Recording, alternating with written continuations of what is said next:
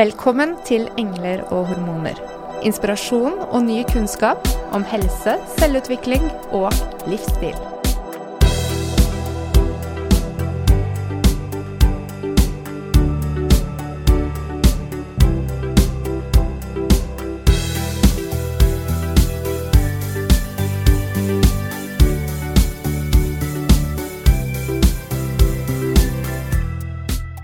Jeg har alltid sagt at det jeg er mest fornøyd med på min egen kropp, det er leggene og anklene mine, for de går ikke rett ned i skoene.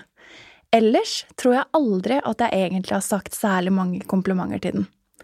I klinikken så bemerker menn så vel som kvinner ofte et ubehag ved å skulle kle av seg til undertøyet på behandlingsrommet. Voksne så vel som unge. Og det trenger ikke være i form av ord, men et ubehag som man lett kan kjenne seg igjen i. Og jeg blir så lei meg av alle de stygge tingene som vi sier til oss selv. Og vil man noen gang lære seg å elske kroppen sin, og vil jeg noen gang lære å elske min? Jeg skal bli mamma, og fascinasjonen for hva kroppen min takler, imponerer meg. Hva jeg og den jeg er aller mest glad i, klarer å skape. Allikevel så er jeg veldig var for kommentarer som handler om hvordan magen eller andre deler av kroppen vokser. Det blir nesten som et elsk-hat-forhold. Og jeg er jo fagperson. Jeg burde ha reagert annerledes, tatt eventuelle kommentarer på en annen måte. Jeg vet jo hva som er normalt, og hvorfor disse endringene skjer. Allikevel så er jeg kanskje som de aller fleste andre.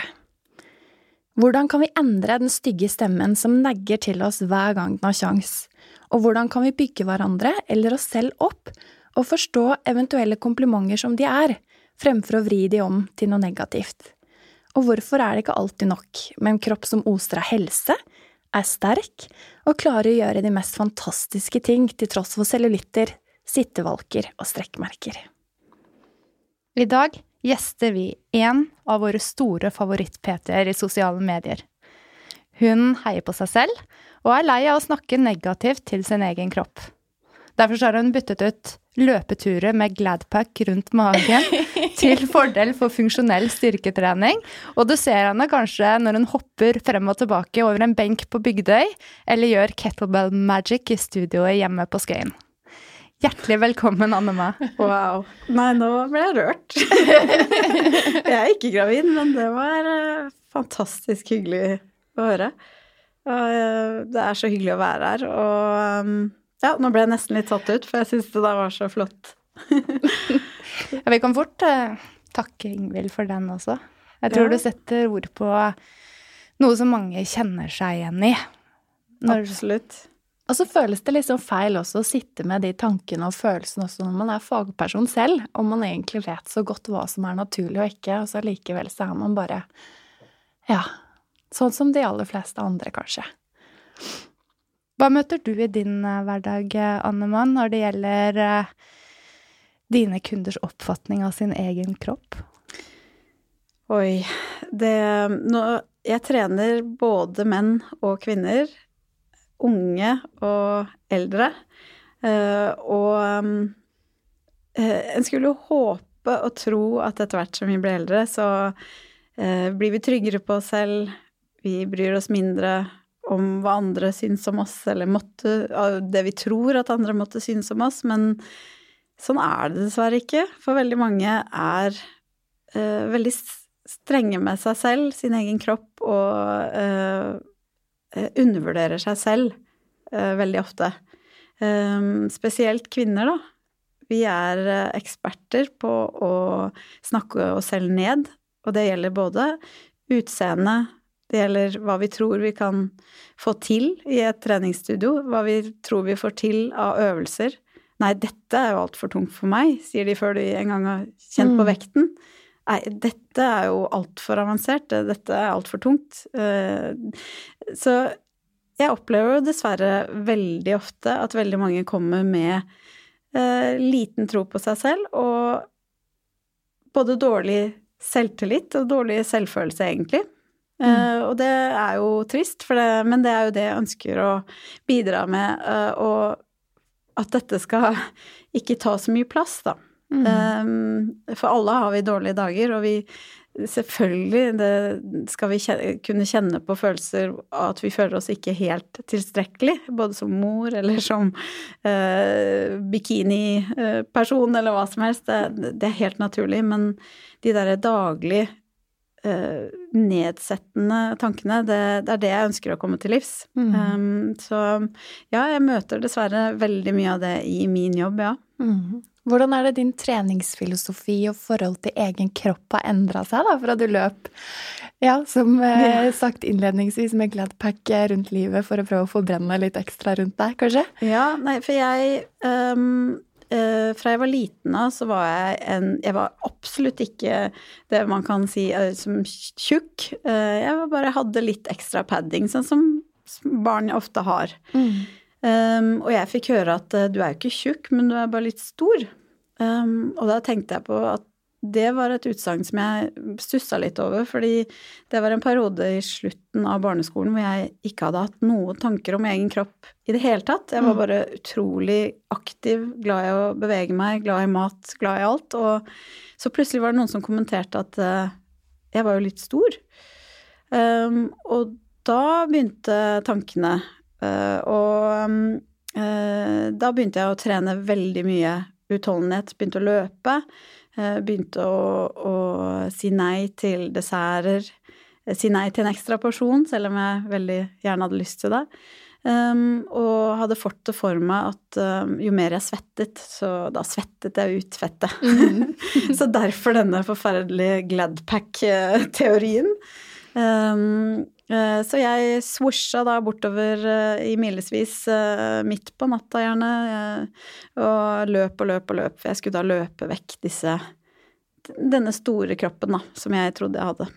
Så det, det er kanskje verdt å sette bare punktum der for effekten av den type trening. Ja. Hvis noen skulle føle seg inspirert. Nei, er, du går utvilsomt ned i, uh, i vann. Du, du mister uh, uh, svette, altså du svetter ut væske fra kroppen. Så, men det er jo en ekstremt kortvarig greie. For med en gang du drikker litt og spiser litt, så har du jo det tilbake igjen. Det, men i mitt hode da så var jo det helt riktig å tvinne rundt lår og mage, da. Der mm. hvor jeg følte at jeg var størst.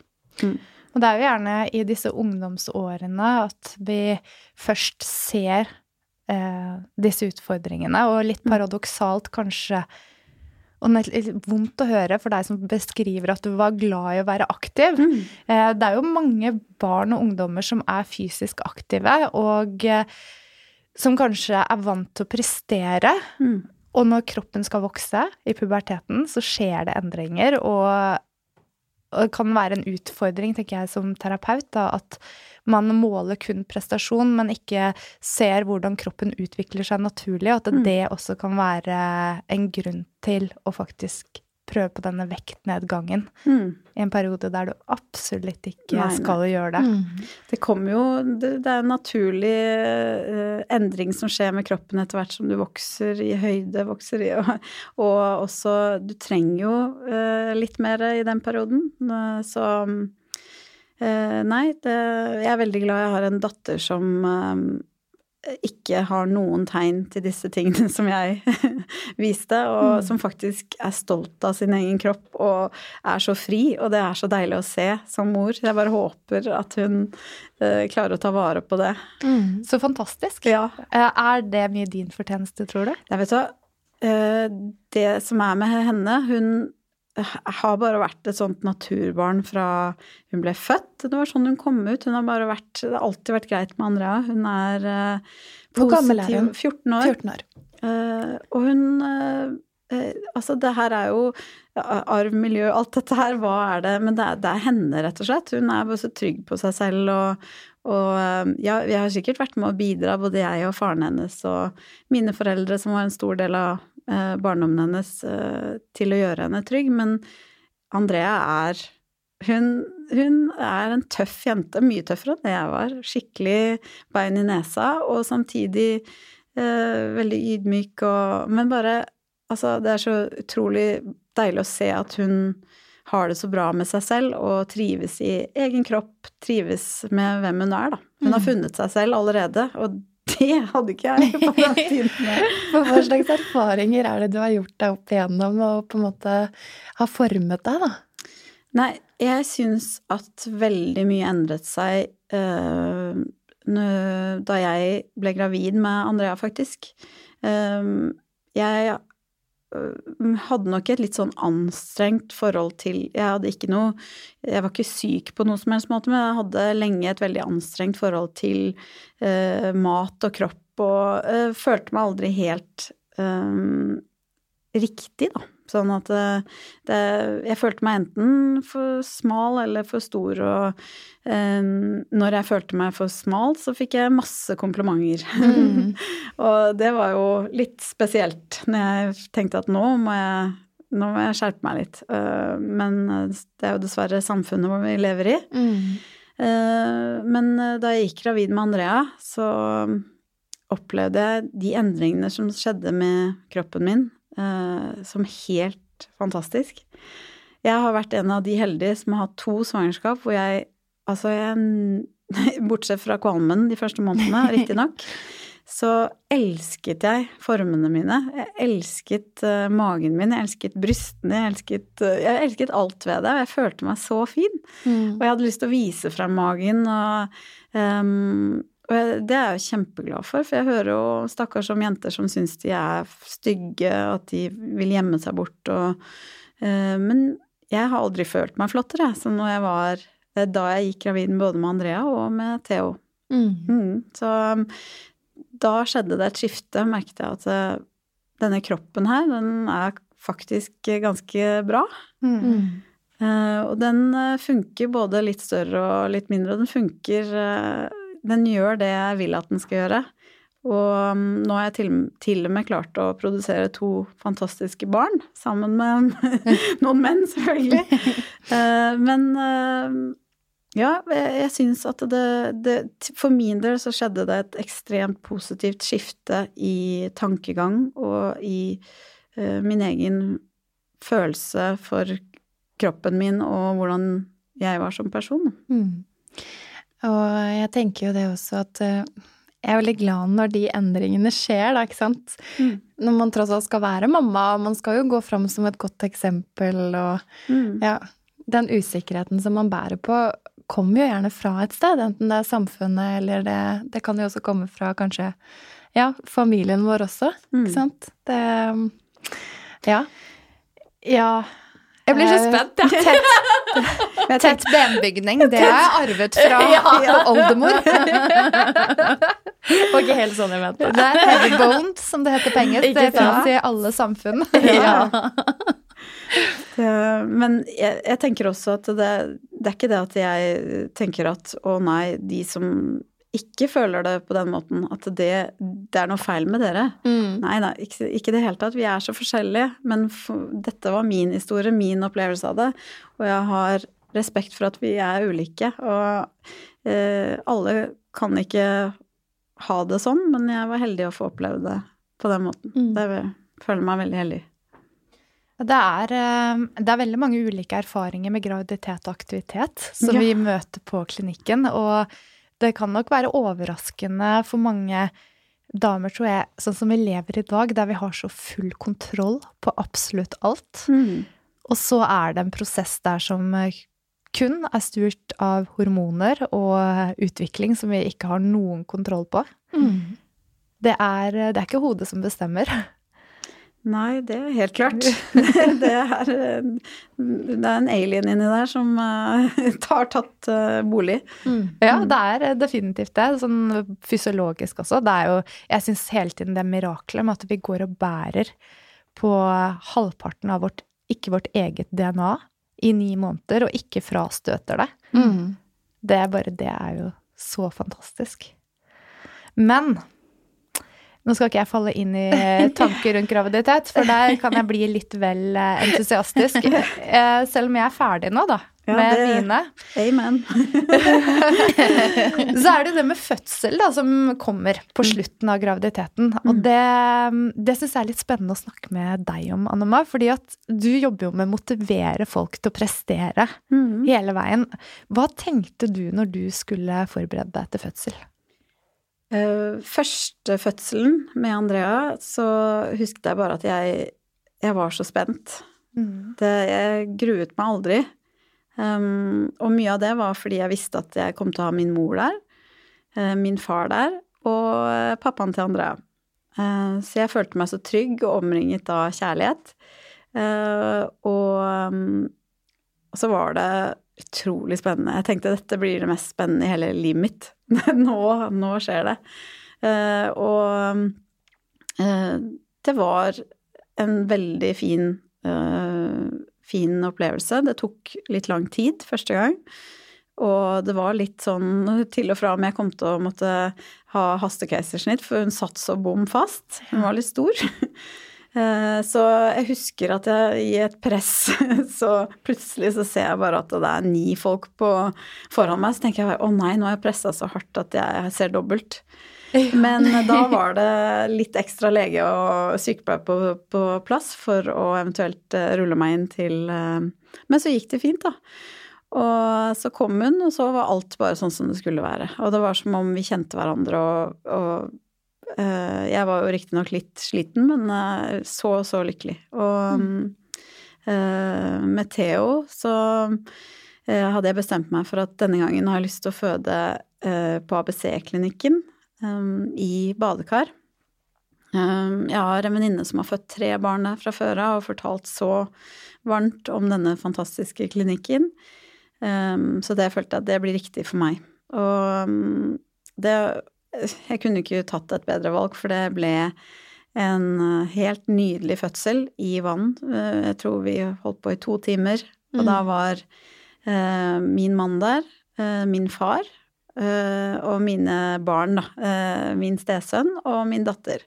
og på ABC-klinikken så er det rommet er L-formet, så på en måte der hvor jeg satt i badekaret, eh, det var litt sånn skjermet for barna som kunne sitte og se på Netflix, og så kunne de velge selv når de mm. ønsket å komme. Eller så hadde vi en sånn avtale med jordmor at eh, ok, når vi nærmer oss utskytelse, så, så, kan barna komme, da. Mm. så de var med idet han kom ut, da, hele gjengen. Og akkurat mamma, dessverre, Eh, hun måtte vi facetime rett etterpå, for hun hadde fått slag eh, mm. like før. Så hun lå på sykehuset på Ahus, eh, så ellers hadde hun vært der også. Så ja. Men ellers så var det en helt perfekt fødsel, og de var så flinke på ABC-klinikken her. Jeg følte meg så godt ivaretatt og trygg. Mm. Mm. Jeg blir fascinert over den følelsen som du fyller hele rommet med her mm. nå. Fordi jeg, jeg kjenner nærmest hvordan det er å være på fødestuen sammen med deg. Ja. og det høres ut som du har en helt fantastisk familie og ja. støtte rundt deg. Det har jeg. Og vi er veldig nære. Og det mm, Ja. Uh, vi er jo ingen uten uh, familien vår. Mm. Det er det derre med å og ta vare på de som er rundt oss, og la de ta del i de store begivenhetene i livet, da, hvis man eh, for, for, min del, jeg er veldig Jeg vokste opp i et hjem hvor eh, det å gå rundt naken og det å Vi er veldig frie, det er ikke noe skam, det er ikke noe eh, Kropp er helt naturlig. Og for meg var det helt naturlig at de skulle være til stede hvis de ønsket det. Selv om begge fedrene var jo stussa jo litt, selv om mannen min kjenner meg jo, han tenkte at det blir sikkert sånn, men uh, jeg har møtt veldig mange som rynker på nesa og blir forskrekka når jeg forteller at uh, hele slekta satt på fødestua med meg. Ikke sant. Ja. Men uh, det var riktig for meg og for oss. Fint å ha flokken samla. Mm. Jeg har dere snakket mye om det i etterkant. Er det et minne som dere trekker frem av ja. og til? Uh, Eh, vi gjør det, og jeg tror barna følte det veldig eh, veldig hyggelig å få være med, fordi eh, det er jo ofte at de, de får ikke ta del i det der. De, mm. de får møte babyen etterpå, men de var faktisk med. Så de var jo med hele ni måneder og med voksende mage, så da skulle de få lov til å være med på det hvis de hadde lyst. Så de, det var jo ikke noe tvang. Det var Um, jeg, jeg, trodde faktisk ikke at eh, stesønnen min som gutt skulle mm. ønske å være med, men uh, det ville han gjerne. Og det syns jeg var veldig rørende og veldig hyggelig. Ja, så fint. Så flott for Theo Ja. å vite, og når han blir eldre og forstår at hele familien sto og ventet på Ja. når han skulle komme. Vi sto der alle frem. sammen, og han skøyt ut i vannet. Da sto alle over badekaret. Så herlig. Ja. Så for Ingvild sin del, da, eh, med alt dette fødepratet Dette er jo snart din tur. Ja. Så jeg har bare lyst til å mimre litt tilbake til akkurat det øyeblikket mellom utskytningen og det første skriket. Mm. Husker du det ja. godt? Det, um, Andrea brukte litt lengre tid på å få ut eh, skriket sitt, så da husker jeg at jeg var litt sånn Holdt litt pusten. Mm. Og så idet hun skrek, så, så bare Altså, det var som om hver celle i kroppen min bare vibrerte og tok en salto. Det var altså Det var en sånn eh, et sånn kick. Og, mm. eh, og så hørte jeg at hun var min. Det var som om jeg, jeg kjente igjen skriket, da, selv om jeg aldri hadde hørt det før. Mm. Så var det Der er du, liksom. Da Jeg kjente henne igjen. Og det samme med Theo. Han eh, begynte å gråte ganske fort etter at han hadde kommet opp fra badekaret. Ja. og var eh, eh, Så samme med han, egentlig, at det var bare Der var du, ja. Sånn, sånn hørtes det ut. Jeg har hørt deg før, egentlig, selv om jeg ikke har hørt det. Ikke sant. Og så ble du født av mamma. Og det var deg. Ja. Og så satt du der med mammakroppen din, da. Ja. Ja, for det, det, det ordet er jo veldig negativt ladet.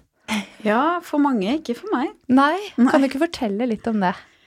Nei, jeg um, Altså, uh, både etter Andrea uh, og etter eh, Theo, egentlig, for jeg fikk ganske store, flotte mager på begge. Og ehm, jeg husker bare at dagen etter fødselen tenkte jeg åh, se, jeg er jo helt flat igjen. jeg var jo ikke det, jeg var langt ifra det. Men jeg følte meg fin, selv om magen da var veldig, veldig myk, og um, det var den ganske lenge. Um, så, men på Andrea så uh, normaliserte kroppen seg uh, veldig raskt, fordi hun eh, Altså ammingen der bare tok eh, Ja, det sugde ut fettet. Det var eh, nærmeste du kan komme fettsuging, det var den ammingen der. Altså det, da ble alt borte. Så jeg ble ekstremt tynn. Selv om jeg spiste, altså, spiste alt jeg kunne. Og um, det var da jeg fikk ekstremt mange komplimenter. Ja, ikke sant. Altså, de mine nærmeste var jo redd for at jeg hadde fått spiseforstyrrelser, rett og slett, fordi jeg ble, ble så tynn.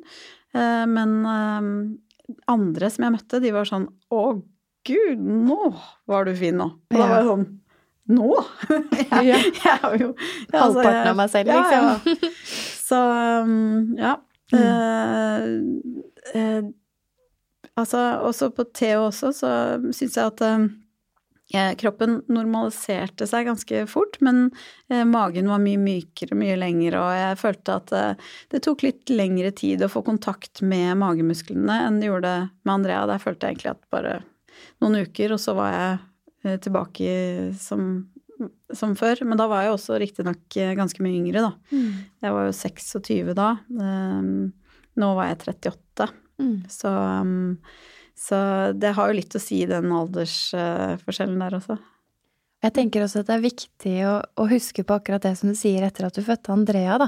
Ja. Med at eh, du følte deg så, så tynn også. Vi Ja. møter jo også flere kvinner i klinikken, Mona, som føler seg nesten litt sånn avmagret. Mm. Og ikke syns at det er spesielt pent heller. Nei. Ikke sant? Så det, det er viktig å huske på på en måte ja, alle kroppene. Ja, så det med å finne tilbake til seg selv Mm. i den nye kroppen. Mm. Fordi eh, det har skjedd så utrolig stor endring på så kort tid. Mm.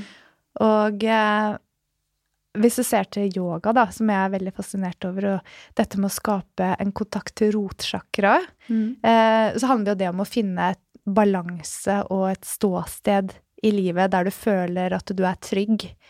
Eh, og fysioterapeuter fokuserer veldig mye på bekkenbunn, som egentlig er litt av det samme. Altså det Mm. første vi skal ta tak i etter fødsel, er å finne noe som er solid. Mm. Jeg liker den tanken litt eh, eh, Hvis det kan leveres ved kjærlighet, da. Mm. Men hva, hva tenker du rundt dette med aktivitet eh, etter fødsel, Annema? Nei, jeg er jo en eh, forkjemper for at gravide skal trene, stort sett som normalt. Altså det her er det mange individuelle tilpasninger og også Så selvfølgelig. Men um, også etter, um, et, etter fødsel. Uh, og, og, da snakker vi ikke om uh, hardtrening, altså. Det er ikke det. Det er snakk om uh, daglig aktivitet med bare gåturer. Uh, få frisk luft, få litt sirkulasjon, gjøre litt stretching. Eh, helt sånn low impact-trening. Eh, uh, og trene opp bekkenbunnen igjen. Knipe, dra inn og knipe, og, og begynne med det nesten umiddelbart etter mm. fødselen. Um, så jeg anbefaler faktisk alle mine de som kommer til meg og trener, som er gravide, at last ned appen Mammamage. Så begynner du med den med en gang denne ungen er ute. Mm. Eh, da legger du et godt fundament for treningen videre etter det, fordi det er så um, bra å lære seg å få den kontakten igjen, da. Mm. Uh, så, uh, så det Nei, jeg tenker at uh, man skal gjøre det man kjenner er riktig for seg, men samtidig så er det viktig med aktivitet. Så gå turer og og mm, med mindre man har hatt noen komplikasjoner, da selvfølgelig, som nå, nå, snakker vi ikke, nå drar vi ikke alle over en kam, for noen får jo bli skadde i fødsler, det kan jo skje, og må av uh, naturlige årsaker ta det med ro.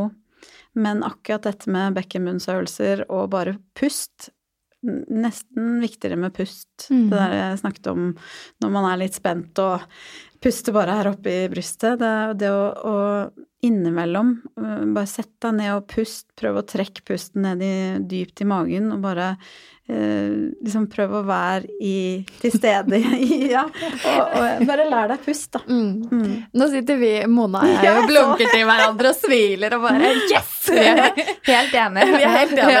Ja. Og dessuten så kommer faktisk Katarina fra Mammamage i Sverige oh, ja. for å snakke om trening etter fødsel uh, veldig snart her i studiet. Jeg må hilse og si at jeg eh, sender alle videre til henne da etter ja. fødsel. det skal vi passe på å gjøre, mm, så det er hyggelig. Det er jo det er mange utfordringer som kan ligge der for å faktisk kunne klare å være i aktivitet etter fødsel. Mm. Um, og en av disse tingene er jo noe som dessverre mange møter. Um, utfordringer til den grad at de føler seg utslett, Mm. Eller depresjon etter fødsel. Mm. Og der eh, har du delt eh, ærlig, ja. Annema. Snørr og tårer. Ja. ja. Mm. Det, det, er jo noe veldig flott i at et forbilde som deg går ut og er ærlig. Mm. Ja, det er hyggelig at du sier. Og av nettopp den grunn også blir et forbilde, tenker jeg. Ja. ja nei, mm. det, det, er veldig rart å høre når andre sier at jeg er et forbilde, men jeg syns det, det, er veldig hyggelig. Og um, jeg uh, uh, var Jeg var jo verdens lykkeligste med Theo, altså det Men verdens trøtteste. Uh, han Det fant vi jo ikke ut før langt ute i flere måneder Eh, etter han ble født, at eh, Theo hadde stille refluks. Mm. Ja. Jeg følte noe var galt. Eh, alle sa du må bare la han gråte, du må bare ikke plukke han opp, men det føltes ikke riktig. Det føltes ikke som han gråt fordi han bare ville ha oppmerksomhet. Det føltes som om han hadde det vondt, at det var noe feil, og ingen ville høre på meg. Um, han kunne våkne hvert kvarter hver eneste natt. Um, og jeg, mine nerver begynte å bli tynnere og tynnere. Eh, og mm, jeg hadde da samtidig en mor som eh, kom seg etter slag, så jeg var mye på besøk hos henne, og hun trengte jo meg også. Så jeg eh, Og hadde ingen andre som på en måte kunne hjelpe meg, for mannen min var da veldig opptatt med et nyoppstartet firma som gikk så det suste akkurat da. Eh, så jeg var litt alene. Og eh, fikk bare beskjed om at eh, Litt sånn nedlatende følte jeg da, at det, var ingen som trodde på meg. De var litt sånn mm. Små barn sover ikke så mye. Så jeg, men jeg har hatt jeg har hatt små barn, og jeg har aldri opplevd at de sover så lite. Mm. Og at de er så misfornøyde hver gang de legges ned. Og de bare nei, nei, sov når han sover. Men det sånn var det jo ikke. Og det var så deilig å endelig bli på en måte At det var noen som trodde meg og sendte meg videre til spesialister, og da fant vi jo ut at denne gutten har jo hatt det helt forferdelig. Ja. Han har jo hatt så vondt i brystet hver gang han ble lagt ned. Men han var jo verdens Jeg kalte den jo bare blidfisen, for han var jo verdens blideste baby eh, når han var oppe. Og fikk lov til å være oppe og beholdt å sitte oppe. Eh, men det var med en gang han, jeg ville at han skulle sove, da. Eller sånn som han vil. Jeg, men jeg følte sånn på Før jeg visste ordentlig hva som var feilte han, så følte jeg meg så mislykket som mor som ikke klarte å få sønnen min til å sove engang. Så, mm. da, da, begynte jeg å, å få det, Jeg er jo egentlig en veldig trygg mor, følte jeg selv. Jeg, men så gjorde det meg veldig usikker. Hva er det jeg gjør feil nå? Liksom, er, det, er det meg, eller hva? Eh, er, det, er, jeg for stressa? Jeg prøvde jo å meditere, jeg prøvde alt mulig, men så var det jo ikke meg. Det var jo, det var jo stakkars uh, gutten hadde, hadde, et problem. Mm. Uh, så det ble jo bedre etter han ble medisinert.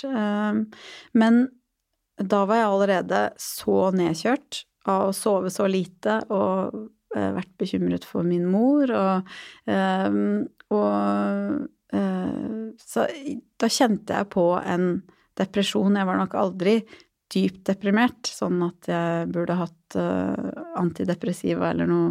Men jeg, var, jeg, følte meg helt alene.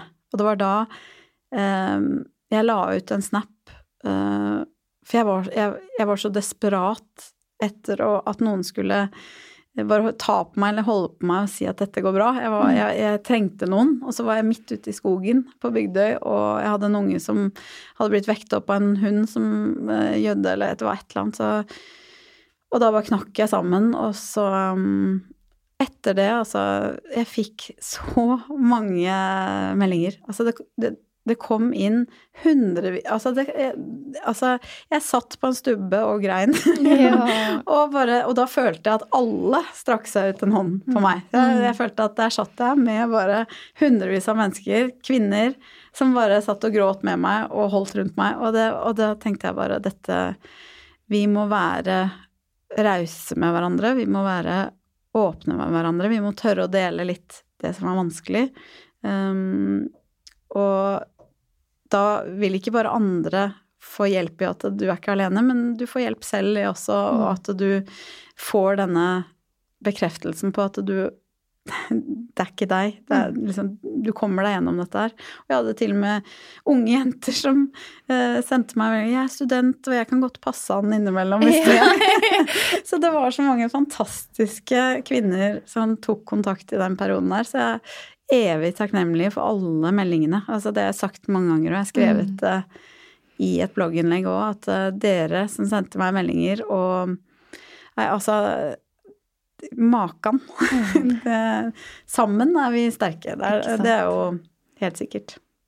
Der ser man jo virkelig også det positive ved sosiale medier. Det er mm. viktig å trekke fram det, at det kan brukes til akkurat det som du sier. Ja.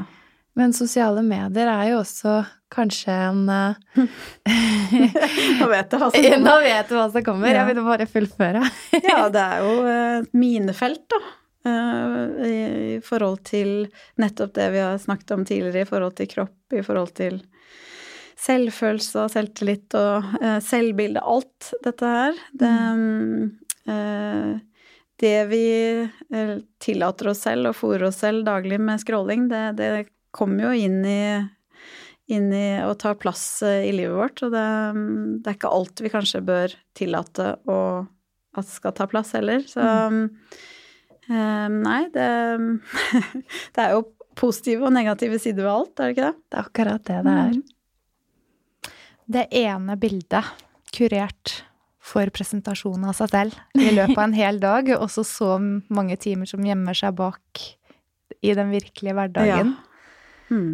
Så det er eh, Det er jo veldig forfriskende å se da at noen tør å dele fra den delen som kanskje, som kanskje ikke ser best ut sånn utad, men som allikevel det har jo skapt store ringvirkninger, for jeg er helt sikker på Ikke bare fikk du trøst, men det var nok mange som kjente at de ikke var alene når mm. de uh, så at uh, dette med å føle seg litt nede i gjørma, eller å føle seg helt alene og fortvilet etter mm. svangerskap, det, det, er ikke bare meg.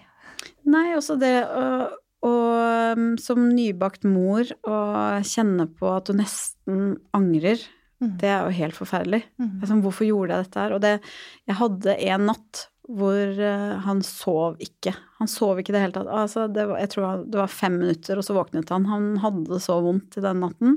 For da hadde jeg fått beskjed av lege om at nei, gutten han trenger mer mat. Da var han tre måneder. Gi ham grøt. Eller en to måneder var det. Han var veldig liten, og jeg fikk beskjed om å gi han grøt. Det gjorde jo ikke akkurat saken noe bedre, så han sov ikke den natten. Og da var jeg nesten, følte jeg gikk i sånn transe, for den eneste muligheten jeg hadde for å roe han, det var å gå og vugge han. Så jeg gikk rundt i stua, rundt og rundt og rundt og rundt i timevis. Og da var jeg på besøk hos mine foreldre, og så hadde moren min plutselig våknet at hun hørte at noen snakket nede i stuen. Og da, jeg aner ikke hvor lenge jeg gikk og sa det, men jeg hadde gått rundt og jeg hadde sagt 'Hvorfor gjorde jeg det her? Hvorfor gjorde jeg det her?' Og, og, så jeg bare 'Å nei, tenk om mm. han hørte det?' Og, og selvfølgelig skjønte jo ikke han det. Men da gikk jeg og gråt og hadde det som et sånn på repeat og tenkte bare at eh, nå er livet mitt eh, Nå er jeg ødelagt for meg selv helt. Nå Altså og, og det er jo ekstremt vondt å kjenne på. Og det var liksom rock bottom, da, yeah. kan man si. Um, og da skjønte jo mamma også at uh, oi, for jeg, jeg, sa jo alltid at det går fint, og det går bra, jeg, det går fint. Så da den dagen kom tvillingsøsteren til mamma, og tanten min, og nå skal vi ut og trille. Nå skal du sove, og vi skal ut og trille. Og da Altså, det var fantastisk at noen For jeg turte ikke å spørre. Jeg var redd for å Jeg ville ikke belemre noen. Um, så jeg tenkte det her må jeg klare selv. Og det er det, altså uh, For det er jo helt tåpelig. Det, det, er jo sånn i andre kulturer, der er det jo hele slekta samles jo mm. rundt et barn. Nettopp på grunn av det at du klarer ikke alt alene. Det er det at, at du i hvert fall tenkte jeg at dette skal gå fint, jeg trenger ingen, jeg skal klare meg. Men, men så gjorde jeg jo ikke det. Eh, og da det å ikke tørre å ikke prøve å strekke ut en hånd og spørre om hjelp, det Hvis jeg skulle ha gjort det igjen, så skal jeg love deg, da, da hadde jeg gjort det med en gang. Da hadde jeg sagt at uh, hjelp, den som kan. Sendt ut meldinger til alle venninner og bekjente og altså hvem som helst. Mm. Men um, Så det er mitt råd til alle som er i en sånn situasjon hvor de tenker at dette Nå, nå har jeg mistet meg selv. Jeg, jeg orker ikke mer, så uh, ta en telefon eller send en melding, altså. For det, det kommer du ikke til å angre på. Altså, eh, begrepet barselgrøt, det er noe jeg er blitt litt sånn fan av. Ja. Man har jo babyshower, gjerne når kvinnen er gravid, hvor det er liksom rosa eller lyseblått og veldig, veldig fint og flott. Og så er det noe som heter barselgrøt, som jeg tenker at man bør bringe litt mer tilbake igjen. Og det er jo der hvor venninner og familie og venner kommer med en ferdiglaget middag, eller kommer og vasker huset, støvsuger, tar ut søpla.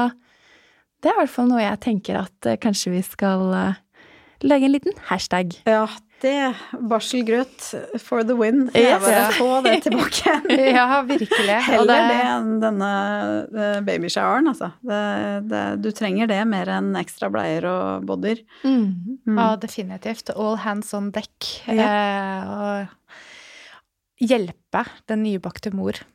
Ja. Men det er, eh, det er litt typisk oss damer, tenker jeg, også at når du har festdager sånn som din fødsel var. Mm. Ja. så, så, kan vi invitere alle inn og ta del i gleden. Mm. Men uh, når man da står i noe tungt etterpå, så, så vil man ikke belemre noen. Og man, uh, man, tenker at dette må jeg klare selv, jeg skal ikke klage og være en belastning for andre. Mm. Og det, det med hvordan man snakker til seg selv, du var jo inne på det først uh, med dette selvsnakket. Mm. Det får meg til å tenke på et annet blogginnlegg du har skrevet. Ja. Eh, og det handlet om eh, hvordan man har det i forhold. Ja. Mm. Og eh, hvordan man snakker til seg selv også i andre situasjoner i livet. Når man kanskje er i en relasjon der ikke alt er bra mm. i utgangspunktet. Mm. For det blogginnlegget som jeg tenker på da, det skrev du etter en annen flott eh, pod-episode med Mm. Emilie Beck. Ja. Og eh, i september i år, da stoppet jeg opp. Når du eh, skrev dette ærlige blogginnlegget. Mm. Um, hvordan det er å leve i relasjoner med psykisk vold. Mm. Hvordan kan man være sammen med noen som gjør en vondt? Hvordan, hvorfor blir man? Og hvorfor ble jeg? Mm. Kan du dele litt med oss hva bakgrunnen for dette innlegget var? Dette var jo en periode i livet mitt som skulle være så bra. Det er de studieårene hvor du reiser til utlandet og jeg har verden for dine føtter, mine føtter. og um, det ble jo alt annet enn det. Ehm, jeg møtte en eh, mann i Vi møttes faktisk her i Oslo, men da var han på jobb her, eh, som var altså så sjarmerende, flott. Alt var altså Han var jo drømmemannen, tenkte jeg. Og um, han bodde da i England, og um, i Bristol. Og uh, jeg begynte å besøke han der, og jeg elsker jo England. Det, er altså, det, jeg tror hvis, vi har hatt, hvis jeg har hatt et tidligere liv, så tror jeg jeg må ha bodd i England. Men det er jo en annen sak. Men uh, Så jeg reiste mye dit, og um, ble veldig forelsket i denne mannen. Um, og når jeg ser tilbake på det, så, så begynte det jo tidlig å skurre ting som jeg kanskje reagerte litt på og sånn, men jeg var veldig naiv. Jeg var veldig ung, og jeg var um, um, jeg, jeg trodde på kjærligheten, da. Jeg hadde vært i forhold tidligere. Og begge de to forholdene som var ganske langvarige før dette, var bare med fantastiske gutter, altså som Altså eh, svigermors drøm, begge to. Og, eh, og jeg hadde det så bra med de, og jeg tenkte sånn er det jo å være i forhold. Jeg har aldri vært eh, Mor og far har eh, levd sammen i Det har aldri vært noe fysisk vold eller psykisk vold. Det har aldri vært Jeg har, jeg har vært skjermet veldig for alt som er av vonde relasjoner, da, kan man si. Um, så det var da så rart uh, med en som da var litt eldre enn meg, og begynte å styre meg. Um, og uh, han uh, fikk meg til å føle meg uh, mindre smart. Uansett hva jeg sa, så var det liksom Neimen, jenta mi, hør her. Det var liksom Hersketeknikker. Ja. Og så fikk jeg jo alltid høre at å gud, han typen din er jo så kjekk og så flott. Han var, og, og jeg var jo stolt av og ja. Så alle så jo bare den siden av han. Um, så um, uh, han Jeg skulle egentlig studere i London og hadde søkt meg inn på skoler der, men han uh, sa at det Jeg måtte komme meg til Bristol, der han bodde. Og uh, det var egentlig ikke den skolen jeg ønsket å gå på, så jeg gikk noen runder med meg selv, men til slutt så lot jeg meg overtale, da. Og det viste jo igjen at jeg allerede var på god vei inn i en kontrollerende uh, I et kontrollert, kontrollerende forhold, da. Um, så Og han uh, stjal jo penger fra meg. Han var uh, drev med mye narkotika. og det var også en del som jeg også var ekstremt naiv på. Jeg var ikke vant til at venner tok kokain, og det var, liksom en, det var så fjernt for meg, da. Mm. Um, så um, det var jo en grunn til at han aldri hadde penger, var for at det gikk jo til stoff, fant jeg jo ut i ettertid. Men jeg, jeg så det vel. Men han Ja. Det var mye alkohol også, um, og det var mye han uh, sa aldri pene ting til meg, da. Uh, det var mest at jeg var tjukk, at jeg var stygg, at alle snakket om meg, at jeg ikke kunne være så smart. Så han på en måte var Men jeg skal ta vare på deg, jeg. Liksom, jeg skal passe på deg. Liksom, jeg er med deg. Så jeg, hører ikke på hva de sier. Mm. Selv om de ikke liker deg, så liksom Du har fått meg. Så liksom Jeg er din. Så um, jeg bare følte meg mindre og mindre og jeg, mis, følte vel egentlig at jeg mista meg selv. Jeg, jeg, vet ikke hvem jeg var i den perioden her. Uh, jeg var redd for å si feil, jeg var redd for å gjøre feil. Uh, jeg hadde konstant sånn høyt stressnivå på hvis noen inviterte meg med på noe. Uh, hva vil han si?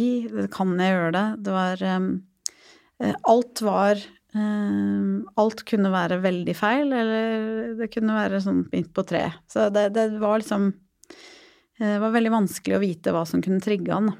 Mm. Um, så vi hadde ganske mange heftige episoder med uh, Ja. Det var, det, det var, rett og slett eh, ekstremt vondt. Og, og, han kunne gjøre mye rart og si mye stygt og ramponere leiligheten, og så eh, kunne han knekke sammen at dette var på grunn av at han hadde blitt misbrukt av sin far som barn. Mm. Og da igjen så eh, kunne jo ikke jeg, følte jeg da, gå fra han når han satt der og fortalte om alle disse fæle tingene. Jo, da følte jeg at uh, da kan ikke jeg være hun kjipe som bare sier ja, men jeg vil ikke ha noe med deg å gjøre. Det, mm. jeg følte at jeg da Jeg måtte prøve å liksom redde han, da, litt. Mm. Um, så det var en veldig, veldig vond periode. For som sagt så skulle det være en så bra periode i livet mitt. Jeg hadde gledet meg så utrolig mye til å studere i utlandet, og eh, så ble det bare et mareritt. Altså, det, altså vi hadde jo hyggelige stunder òg, men det var mer fordi han var i godt humør, og jeg, jeg levde for de dagene hvor han var glad, og han eh, viste meg kjærlighet, da. Mm. Hvor lenge varte dette? I et par år. Ble du ferdig med studiene? Ja, og så ble jeg til slutt hentet av mamma. Ja. Mm, for da um, Hun så det, eller? Nei. nei. Uh, og det var jo det. Jeg, jeg, har jo alltid delt alt, men disse vonde stundene, de holder jeg for meg selv. Mm. Um, og det er jo um, dumt igjen. Mm. Uh, fordi hadde jeg sagt ifra tidligere, så hadde ikke dette hadde ikke gått så langt, da. Uh, men min mor sov jo med kniv under sengen når hun kom og besøkte oss og skulle hente meg. Ja. Hun var livredd han, og, og, mamma er veldig menneskekjenner, så hun likte han aldri fra starten av. Og hun kunne fortelle meg i ettertid, det sa hun jo ikke da, men de få gangene jeg besøkte de når de kom til London, og jeg besøkte de på hotellet en helg, så gråt hun så mye når jeg dro. Altså hun mm. hulka, sa hun. At det var nesten så hun eh, løp foran bussen og holdt den igjen. og eh, pappa bare nei, nei, nei. Hun sier at alt er bra. Men mamma, vi eh, Det er jo sånn, vi mødre, vi, vi kjenner barna våre. Vi ser på dem når, når, når, noe ikke er riktig. Og det mm. så hun hele veien. Men eh, jeg slapp henne ikke inn, da. Mm. Morsinstinktet, altså. Mm. Så mm, nei, vi pakket uh, hele leiligheten og, og dro.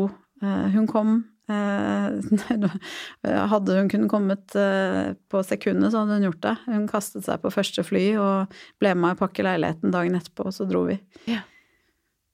Var han borte da, eller? Nei, vi hadde jo betalt Eller jeg hadde betalt leiligheten, så den var betalt for en måned eller to i, fremover. Ja. Så jeg skrev bare en uh, lapp til han eh, og sa at jeg måtte dra. Ja. Men at han kunne bo der til han fant noe eget, da. Ja. Mm. Så um, han prøvde jo Forsøkte selvfølgelig å ringe meg og ta kontakt igjen, men da eh, skiftet jeg telefonnummer og Det er jo det som er Det som var fint for meg, er at jeg kunne forflytte meg. Mm. Ikke, jeg kom til et annet land. Og det var det som traff meg sånn når jeg hørte hennes historie. Det der med å kunne risikere å treffe ham på gaten. Mm. Eh, det slapp jeg. Ja. Um, jeg, men jeg har jo um, En av de uh, venninnene jeg hadde nærest relasjon med der nede, hun åpnet en kafé i den byen, og den besøkte jeg aldri, fordi jeg orket ikke å reise til Bristol. Så det, det var ja, jeg hadde så lyst, men jeg, jeg turte ikke. Men hun skjønte det. Hun visste. Ja. Så hun sa at jeg møter ham på gata, så kommer jeg til å mm.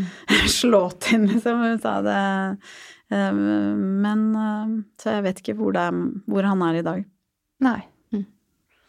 Så det dette med disse varsellampene som vi helst har Mm. Kanskje overser i forelskelsens rus, eller når man ønsker seg noe som kanskje ikke er helt realiteten. Det, det så mammaen din. Hun så Ja. med intuisjonen sin hva som var galt. Hun så det med én eneste gang. Mm. Hun bare Han her er det noe med.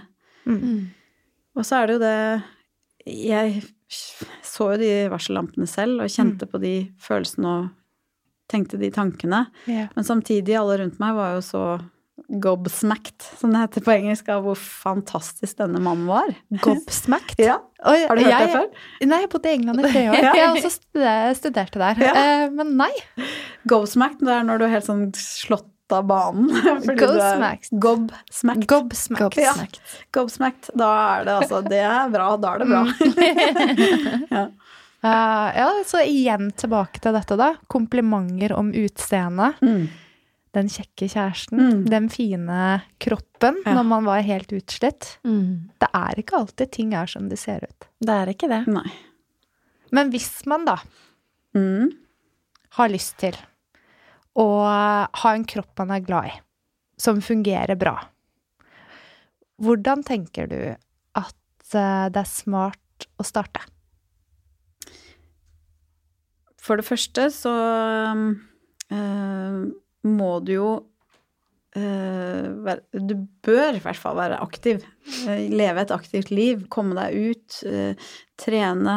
Finn noe som gjør deg glad, noe trening du liker. Og hvis du absolutt ikke liker noe som helst av trening, så gjør det allikevel fordi det er bra for deg.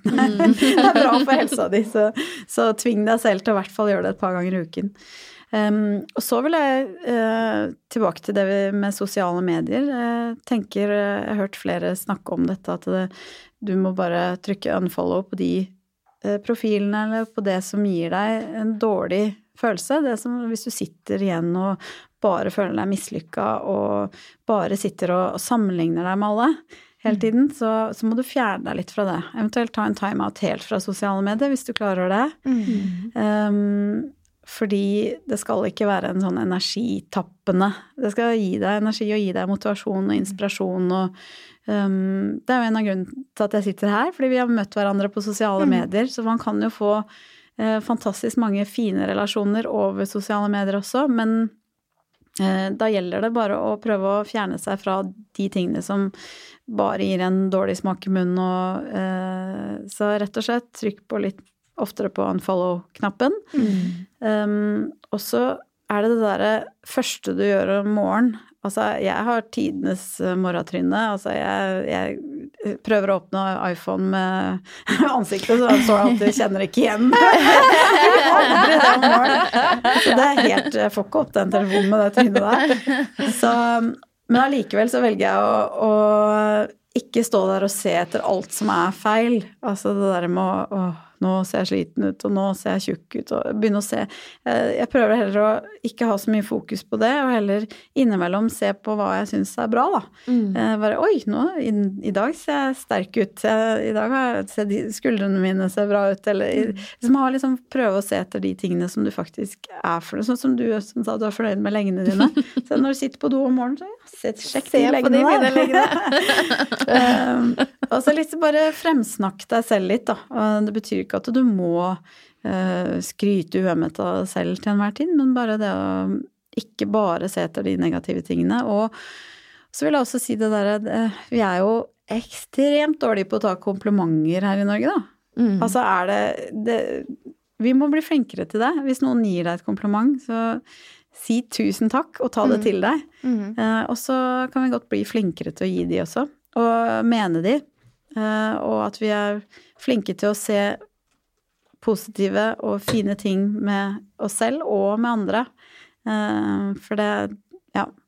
Eh, why fix it if it ain't broken? Men hvis det ikke funker, hvis det, hvis det hele tiden å negge deg selv på hvor stygg du er, eller hvor tjukk du er, eller hvor dårlig trent du er, hvis det ikke har ført til noe positivt hittil, så kommer det i hvert fall ikke til å føre til noe positivt fremover hvis du fortsetter sånn. Mm.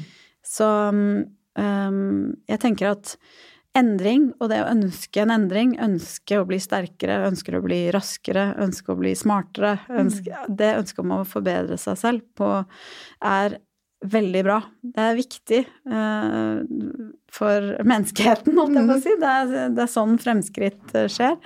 Og uh, det å tørre å si at jeg, jeg vil gjerne endre meg, men jeg skal samtidig være glad for det, for sånn jeg er nå, her og nå. Jeg skal ikke, jeg eh, skal ikke bare trekke ned eh, alt som er feil, men jeg skal forbedre det. Mm. Og um, jeg skal bli bedre, men sånn som jeg er nå, det, det funker også. Og jeg er bra. Det det der med bra nok, ikke sant. Det er mm. hashtag bra nok. Det, det, altså, det handler ikke om å bare slippe alt og bare Ja, jeg er bra nok. Nå er det, jeg trenger ikke å lære meg noe, jeg trenger ikke å trene, jeg trenger ikke å gjøre noen ting. Det handler ikke om det. Det handler om det der å bare sette pris på deg selv sånn som du er nå, men samtidig ønske å bli bedre. Mm. Er det slik du jobber med kundene dine også? Ja. Mm. Um, for jeg, jeg syns det er helt greit at uh, jenter og gutter kommer inn til meg og sier du, jeg vil gjerne ha litt finere mage, eller jeg vil gjerne ha litt mindre lår, jeg vil gjerne ha litt mindre rumpe. Det er helt greit. Jeg har mm. respekt for at vi er forskjellige, at vi har ulike ønsker, men jeg håper at um, jeg kan være med å bidra til at uh, det fokuset snus litt.